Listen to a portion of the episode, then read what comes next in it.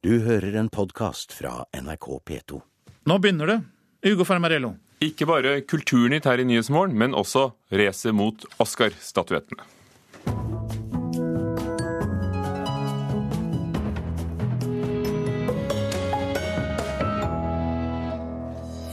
Tre filmer er plukket ut for å gå videre i kampen om å bli Norges Oscar-kandidat. Kunstnere vil ikke bli minstepensjonister og krever politikerne på banen. Vi anmelder Halvdan Koht-biografien. Og i dag blir Senterpartiet spurt ut om sin kulturpolitikk. Det er i hvert fall planen her i Kulturnytt. Jeg heter Mina og er 27 år gammel. Jeg er skuespiller. Jeg har en sønn som heter Felix. Hva heter kjæresten din? Kjæresten min heter Jesper. Han er snill. Han er kjempesnill. Jeg må vite hva som er i den jævla gassen. Hva er det for noe? Oljedirektoratet forlanger en norsk dykker med. Du er den eneste som har vært igjennom hele Jeg programmet. skal vel for faen ikke dykke nå. Det må du. Jeg har sonet min dom. Jeg har betalt for det.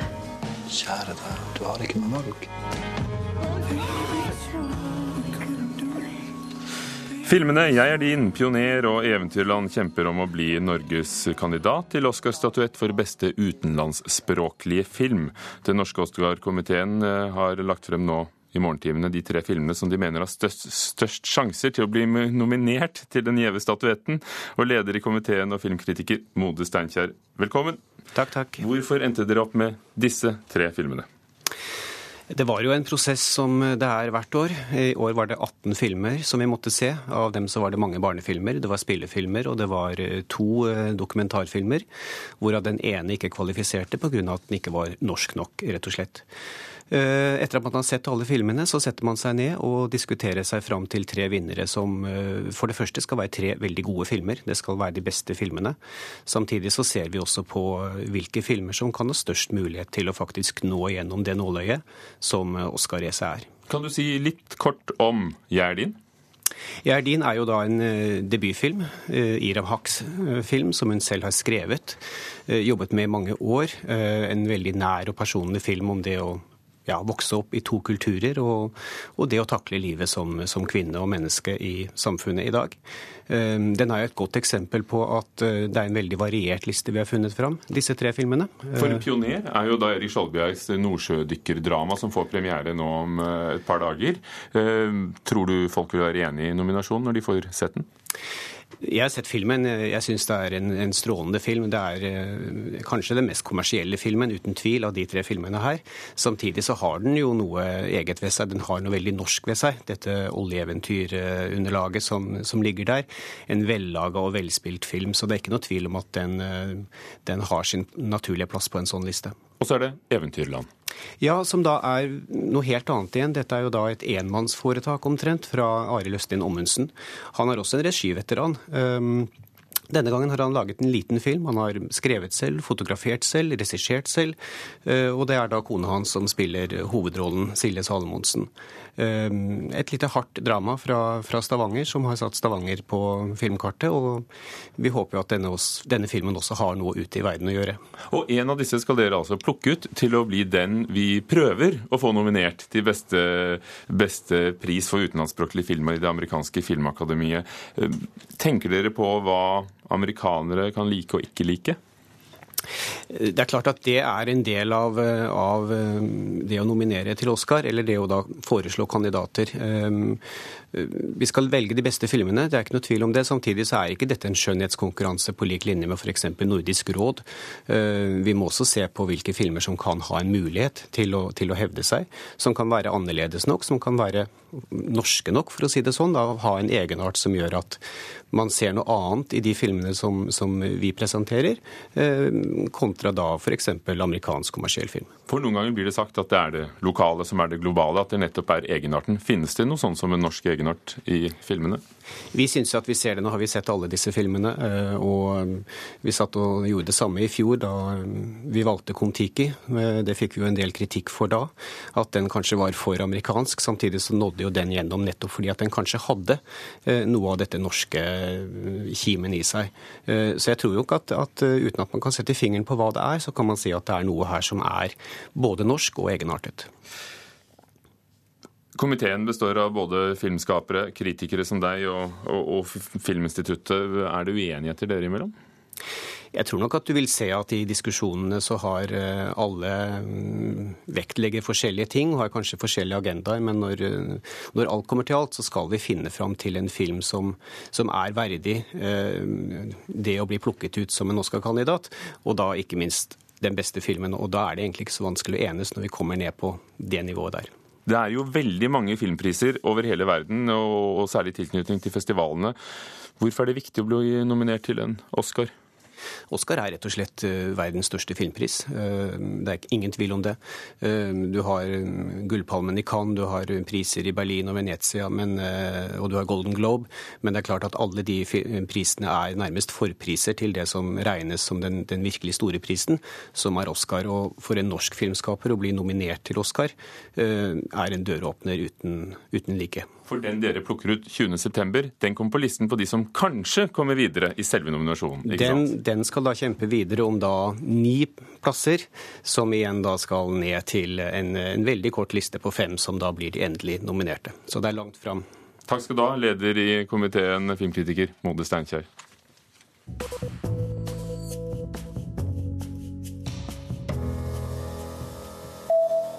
Og Norge har allerede en fot innenfor, for Tyskland har nominert filmen To liv som sin kandidat til det amerikanske filmakademiets pris for beste utenlandsspråklige film. Liv Ullmann spiller en av hovedrollene, og filmen er en tysk-norsk samproduksjon. Filmen bygger på historien om livet til en eh, tysk-norsk kvinne som ble en del av nazistenes Lebensborn-program da hun var barn. Hun vokste opp da i Øst-Berlin, og kommer tilbake til Norge og møter sin mor, som blir spilt av Liv Ullmann. Det nyoppussede Universitetet i Oslo sentrum slår sprekker. De fredede bygningene er pustet opp for over 900 millioner kroner, men allerede før ferdigstillelsen slår fasaden sprekker, skriver Arkitektnytt. Statsbygg og Riksantikvaren skal ha møte om saken 3.9, og ifølge kommunikasjonsdirektøren i Statsbygg eh, sier hun til Aftenposten at det ikke er fare for bygningen. Og Tines nye annonse for 150-årsjubileet til brunosten er full av språk- og faktafeil. I annonsen listes det opp en rekke historiske hendelser som har skjedd i brunostens levetid. Blant annet står det at Norge ble okkupert i 1939. Det er Try reklamebyrå som har laget reklamen. Administrerende direktør Kjetil Try sier til Dagens Næringsliv at han aldri i sine 15 år i bransjen har opplevd lignende. Han beklager at annonsen har unnsluppet all kvalitetssikring.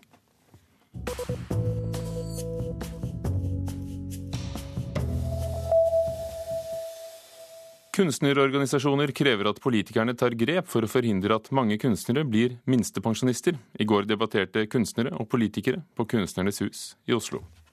Kunstnerne som jobber som enkeltmannsforetak, tjener lite, eh, blir automatisk eh, minstelønnspensjonister.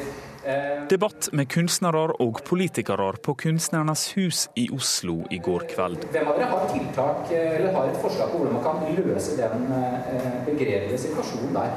En som har et forslag, er Ruben Steinum, fungerende styreleder for Unge Kunstneres Samfunn, en av flere kunstnerorganisasjoner som nå tar til orde for en endring. Vi ønsker at uh, kunstnerne skal få pensjon ut fra det arbeidet de gjør og det arbeidet de leverer til samfunnet, og ikke de kronene de tjener inn. Steinum sitt forslag er at stipendkroner fra staten skal gi mer pensjonssparing enn de gjør i dag. I det lange løp ser man at de fleste kunstnere de tjener veldig lite. Uh, samtidig så har de da et aktivt arbeidsløp hele tiden. Leverer utstillinger til offentligheten. Folk får se kunst det blir produsert kunst. og Derfor mener jeg at man må kunne se på om det finnes muligheter for hvordan man kan veie deres arbeidsinnsats for å kunne styrke pensjonsordningene. Helt konkret mener han at ett år med stipend fra staten skal gi pensjon tilsvarende det vi andre sparer opp på tre år. La oss si man har da arbeidsstipend ti år av sine arbeidsaktive år, så vil man da også kunne opparbeide eh, pensjonen for, de, for et helt liv. Hvorfor skal skattebetalerne betale enda mer for at kunstnere skal få rettigheter som eh, vi andre ikke har? Jeg mener at dette handler absolutt ikke om at kunstnerne får rettigheter som de andre borgerne i Norge ikke har. Dette handler om at man uh, imøtekommer og forstår den arbeidssituasjonen som kunstnere har, som er uh, radikalt forskjellig fra hvordan andre arbeidstakere har det i Norge. Politikerne i panelet mener løsninga ikke er nye spesielle pensjonsordninger for kunstnere, men at veien til bedre pensjon er å heve kunstnernes inntekt enten med mer støtte Det vi mener er en løsning, er å øke arbeidsstipendenes beløp. Det sier Hilde Macy i SV. Og så å lage flere av dem, og gjøre dem mer langvarige, sånn at man sikrer kunstnere en høyere inntekt over lengre tid. Mens Frode Helgerud, stortingskandidat for Høyre, mener private kan spille en viktigere rolle. Nei, Det som vi konkret har lagt inn i vårt program, det er et bedre tilbud til de som ønsker å kjøpe individuelle pensjonsforsikringer. Og det vil selvfølgelig treffe i stor grad selvstendig næringsdrivende, og dermed også kunstnere. Og se på hvilke muligheter man har til å øke inntekten mens man er i en aktiv produksjonsfase.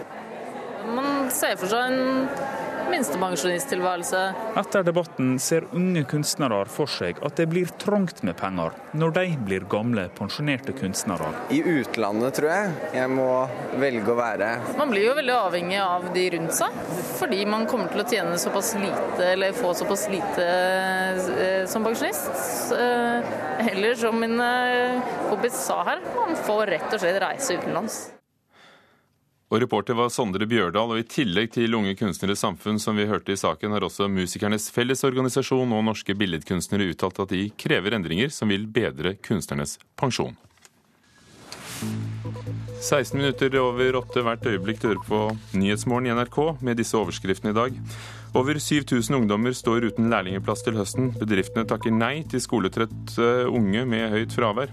USA har fanget opp samtaler fra det syriske forsvarsdepartementet som de mener beviser at regimet står bak det kjemiske angrepet. Og det er fortsatt en god idé at det er historikere som skriver biografier, mener vår anmelder, som har lest historien om utenriksminister Halvdan Koht. Og det hører vi senere her i Kulturnytt. Hver dag frem til valget tar vi for oss ett parti i Kulturnytt, i dag Senterpartiet. Olav Grøtting, velkommen. Tusen takk skal du ha. På hvilken måte vil Senterpartiets kulturpolitikk eh, påvirke de andre i en rød-grønn eh, regjering, for det er jo planen deres? Det er helt riktig, det er planen vår. Først så vil jeg jo si det at vi rød-grønne vi har gitt kulturen et skikkelig løft disse åtte åra. Og det tror jeg veldig mange i kulturlivet er enig i. Men Senterpartiet vi vil at folk skal få tilgang til kunst- og kulturopplevelser utover i hele landet, i by og bygd. Og vi vil at folk skal både kunne, kunne skape uttrykk og kunne få uttrykk. Og det gjelder over hele landet. Og Betyr det, siden spørsmålet mitt var om hvordan dere vil påvirke de andre i en regjering, at dere vil det mer enn Arbeiderpartiet f.eks.? Jeg tror nok den eh, geografiske fordelinga av kulturmidler utover eh, landet, der er nok eh, vi i en særstilling at vi ønsker å spre det enda mer enn de andre. Og er veldig, og Senterpartiet er veldig, veldig mm, fornøyd med Kulturløftet 3 som vi nettopp la fram. For der har jo den kulturelle grunnmuren fått en hovedplass. En veldig viktig plass. Og det, det har vært viktig for oss. Det er veldig mye god Senterpartipolitikk i Kulturløftet 3. Vi skal komme tilbake til det som eh, du refererer til som grunnmuren.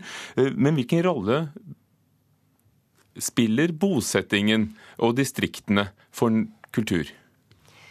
Den gir jo en veldig variasjon i kulturen rundt om i landet. Og jeg har bare lyst til å nevne det òg. En av de litt morsomme tinga i Kulturløftet, det er jo denne rødlista.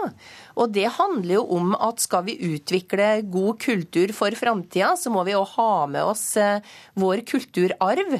Og vi ønsker da å sette fokus på, eh, på eh, å bevare utrydningstrua eh, kulturuttrykk, for å kalle det det. Hvordan da? Nei, vi, vi må det, Ja. Eh, vi må rett og slett passe på at ikke en del av vår kulturarv dør ut. Og det kan jo være, det kan jo være bygningsarter, det kan være dans, det kan være musikk. Det kan være f.eks. Hallingen som eh, et eksempel. da. Og Konkret har jo dere foreslått i programmet å, eh, å satse nettopp på mer tilskudd til private eiere av fredede kulturminner, og flytte midler og makt fra Norsk kulturråd, det store Kulturrådet, ut til fylkeskommunene. Hvor mye skal flyttes, og når skal det eventuelt skje? Det har vi ikke tatt en eh, endelig avgjørelse på. Men det vi ser er at en for stor del av midlene fra Kulturrådet kommer til de helt sentrale delene av landet. 2010 f.eks. så fikk eh, hver innbygger i eh, Oslo 298 kroner per innbygger, mens eh, Hedmark 26 og Møre og Romsdal 10. Nå har det skjedd en endring Skjea, så det har jevna seg ut noe. Men vi mener at vi må, vi må jevne ut dette ytterligere geografisk, og kommer til å gå inn for det. Men når dere har sittet i regjering så lenge som nå, har dere da ikke hatt en stor nok stemme til å påvirke det i en annen retning da, i, i løpet av disse, denne rød-grønne tiden? Jo, det har vi nok. Eh, men eh, i, eh, vi har hatt Kulturløftet 1 og Kulturløftet 2. De har tatt for seg forskjellige deler av kulturen. Men nå mener vi at det er breddekulturen, grasrota, den kulturelle grunnmuren sin tur til å få et løft. Olaug Grøtting, i dag er du stortingsrepresentant, men du har jo vært ordfører i Avdal. Og hvordan tenker du at dere i regjeringsposisjon skal få kommunene til å etterleve alle ambisjonene dere har for bibliotek, som dere tar til orde for å styrke som er en del av det du kaller grunnmuren, kirkebyggene, som også er kommunenes ansvar, kulturskolene. Alt dette er kommunenes ansvar? Det er helt riktig. og Den kulturelle grunnmuren den består jo spesielt av folkebibliotek, fritidsklubber og kulturskoler, øvingslokaler og jeg vil også si frivilligheten. Vi har løfta frivilligheten veldig mye. Den får eh, momskompensasjon på 1,2 milliarder nå i 2014. Men de andre delene, og det er helt riktig at en god del av den kulturen som vi ønsker å styrke, det er kommunene sitt ansvar. Og da er det to ting som er viktige. Det ene er jo at kommunene har god nok økonomi til å ville satse på kultur. For at vi i Senterpartiet vi tror jo det at uh, ute i kommunene så er det en vilje til å satse på kultur. Men man må ha rammebetingelser slik at en får det til. Da kan den ikke sultefòres økonomisk, slik som Erna gjorde sist hun var uh, kommunalminister. Og det andre det er at eh, vi vil da komme med noe gulrøtter. Eh, altså en delfinansiering av eh, forskjellige, eh, forskjellige deler av den kulturelle grunnmuren. Det er i hvert fall vårt forslag. Blant annet så står det i programmet at dere vil sikre gratisprinsippet større grad i dag når det gjelder museene. Betyr det at dere vil lovfeste at statlige museer skal ha gratis adgang? For i det siste så har de jo begynt å ta betalt, noe som var gratis før? Vi vil nok være forsiktige med å lovfeste ting, men at eh, er, vi har noen viktige prinsipper. Og det er den sosiale og den geografiske utjevninga. Den geografiske har jeg snakka en del om. Den sosiale utjevninga er òg veldig viktig. fordi at vi ønsker jo at alle i dette landet skal kunne ta del i eh, kulturlivet. Og at det ikke skal være eh, sosiale forskjeller der. Vil noen tape på at dere kommer inn i, i kulturstyret? Kulturpolitikken? Nei, vet du, jeg, jeg, må få, bare få lov til å si det at uh, denne Altså, vi har hatt en fantastisk, som jeg sa i stad, utvikling av uh, kultur... Uh, området når vi har sittet i regjering. Nå når vi 1% av statsbudsjettet i 2014. Og vi har som det første punktet i Kulturløftet 3 at det skal fortsette framover. Og så kan du si at det er jo ikke en økning, men det er det faktisk. For statsbudsjettet øker jo hvert eneste år. Så jeg tror eh, absolutt ikke noen vil tape på det. Takk skal du ha, Senterpartiets Olov Grøtting, for at du kom til vår kulturutspørring her i Kulturnytt.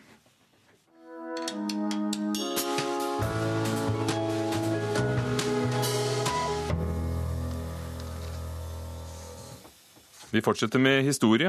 Spørsmålet er hvilken rolle spilte utenriksminister Halvdan Koht da Tyskland marsjerte inn i Norge i 1940? Det er eh, altså hovedspørsmålet i en ny biografi skrevet av historiker Åsmund Svendsen. Og dette synes kritiker Knut Hoem om boken. Åsmund Svendsens biografi om Halvdan Koht minner meg om å kjøre en solid sykkel uten gir. Det tar tid å tråkke seg i gang, og det er tungt å komme opp i fart, men etter hvert så styrer du elegant gjennom landskapet med full oversikt over omgivelsene. Kanskje savner jeg, i alle fall innledningsvis, en større grad av dramatisering av nøkkelhendelser i Kots liv. Farens tidlige død og forelskelsen i henne som skulle bli hans kone gjennom et langt liv, liksom bare glir forbi. Men startpunktet for fortellingen er velvalgt. Når statsminister Nygaardsvold og stortingspresident Hambro tar imot kong Haakon på Rådhuskaien den 7. juni 1945, sitter han som var utenriksminister i aprildagene 1940 på et tog i Brooklyn. Det hovedspørsmålet som står igjen etter Koht, og som denne biografien også skal besvare, er hvilket ansvar han bar for at Norge ikke klarte å stå imot det tyske angrepet i 1940.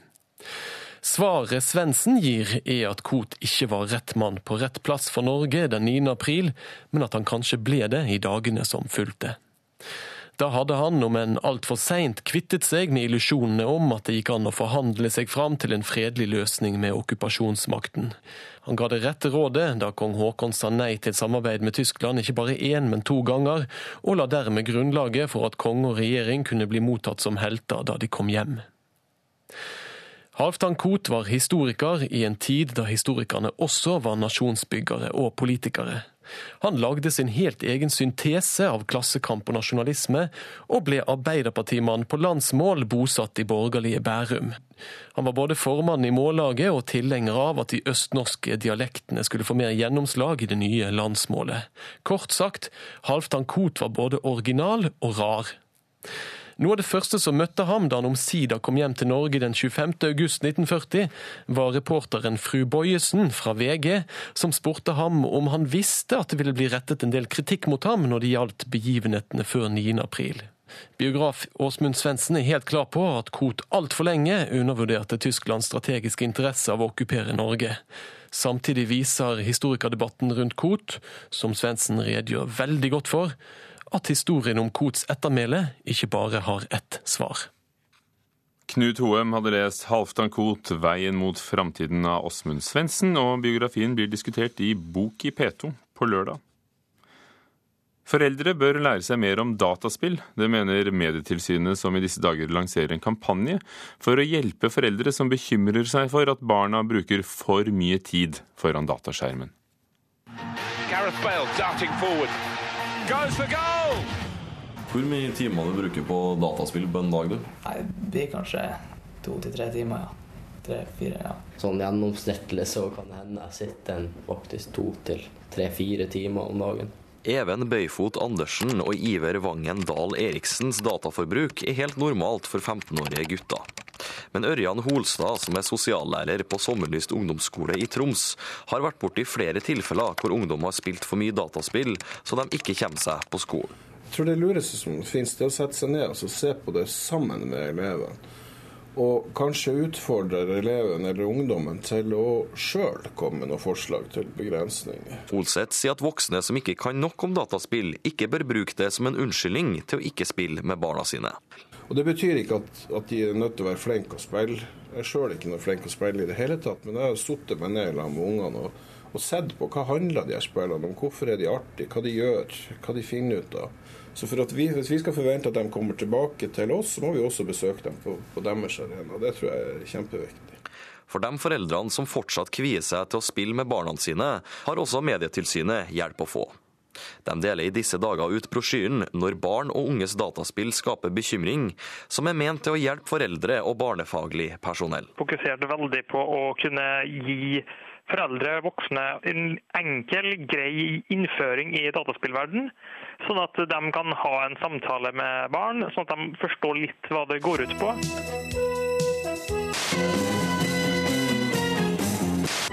Even og Iver mener voksne sjøl bruker mye tid foran TV-skjermen, dataen og mobilen. Jeg sitter ofte på iPhone sjøl også, så det er, ikke bare ungdom det gjelder. Det er voksne også.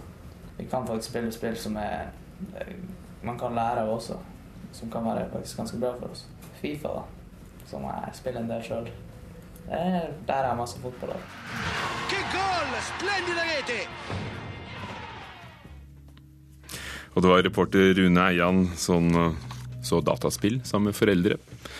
Filmene 'Jeg er din', 'Pioner' og 'Eventyrland' kjemper om å bli Norges Oscar-kandidat eh, til beste utenlandsspråklige film. Det var eh, den første nyheten vi hadde i Kulturnytt i dag. Vi spurte Senterpartiet om kulturpolitikken deres, og hørte at kunstnerorganisasjoner krever at politikerne tar grep for å forhindre at mange kunstnere blir minstepensjonister. Og den nye biografien om Halvdan Koht mangler litterær, litterær innbilningskraft, men besitter historikernes kloke blikk, sa vår anmelder.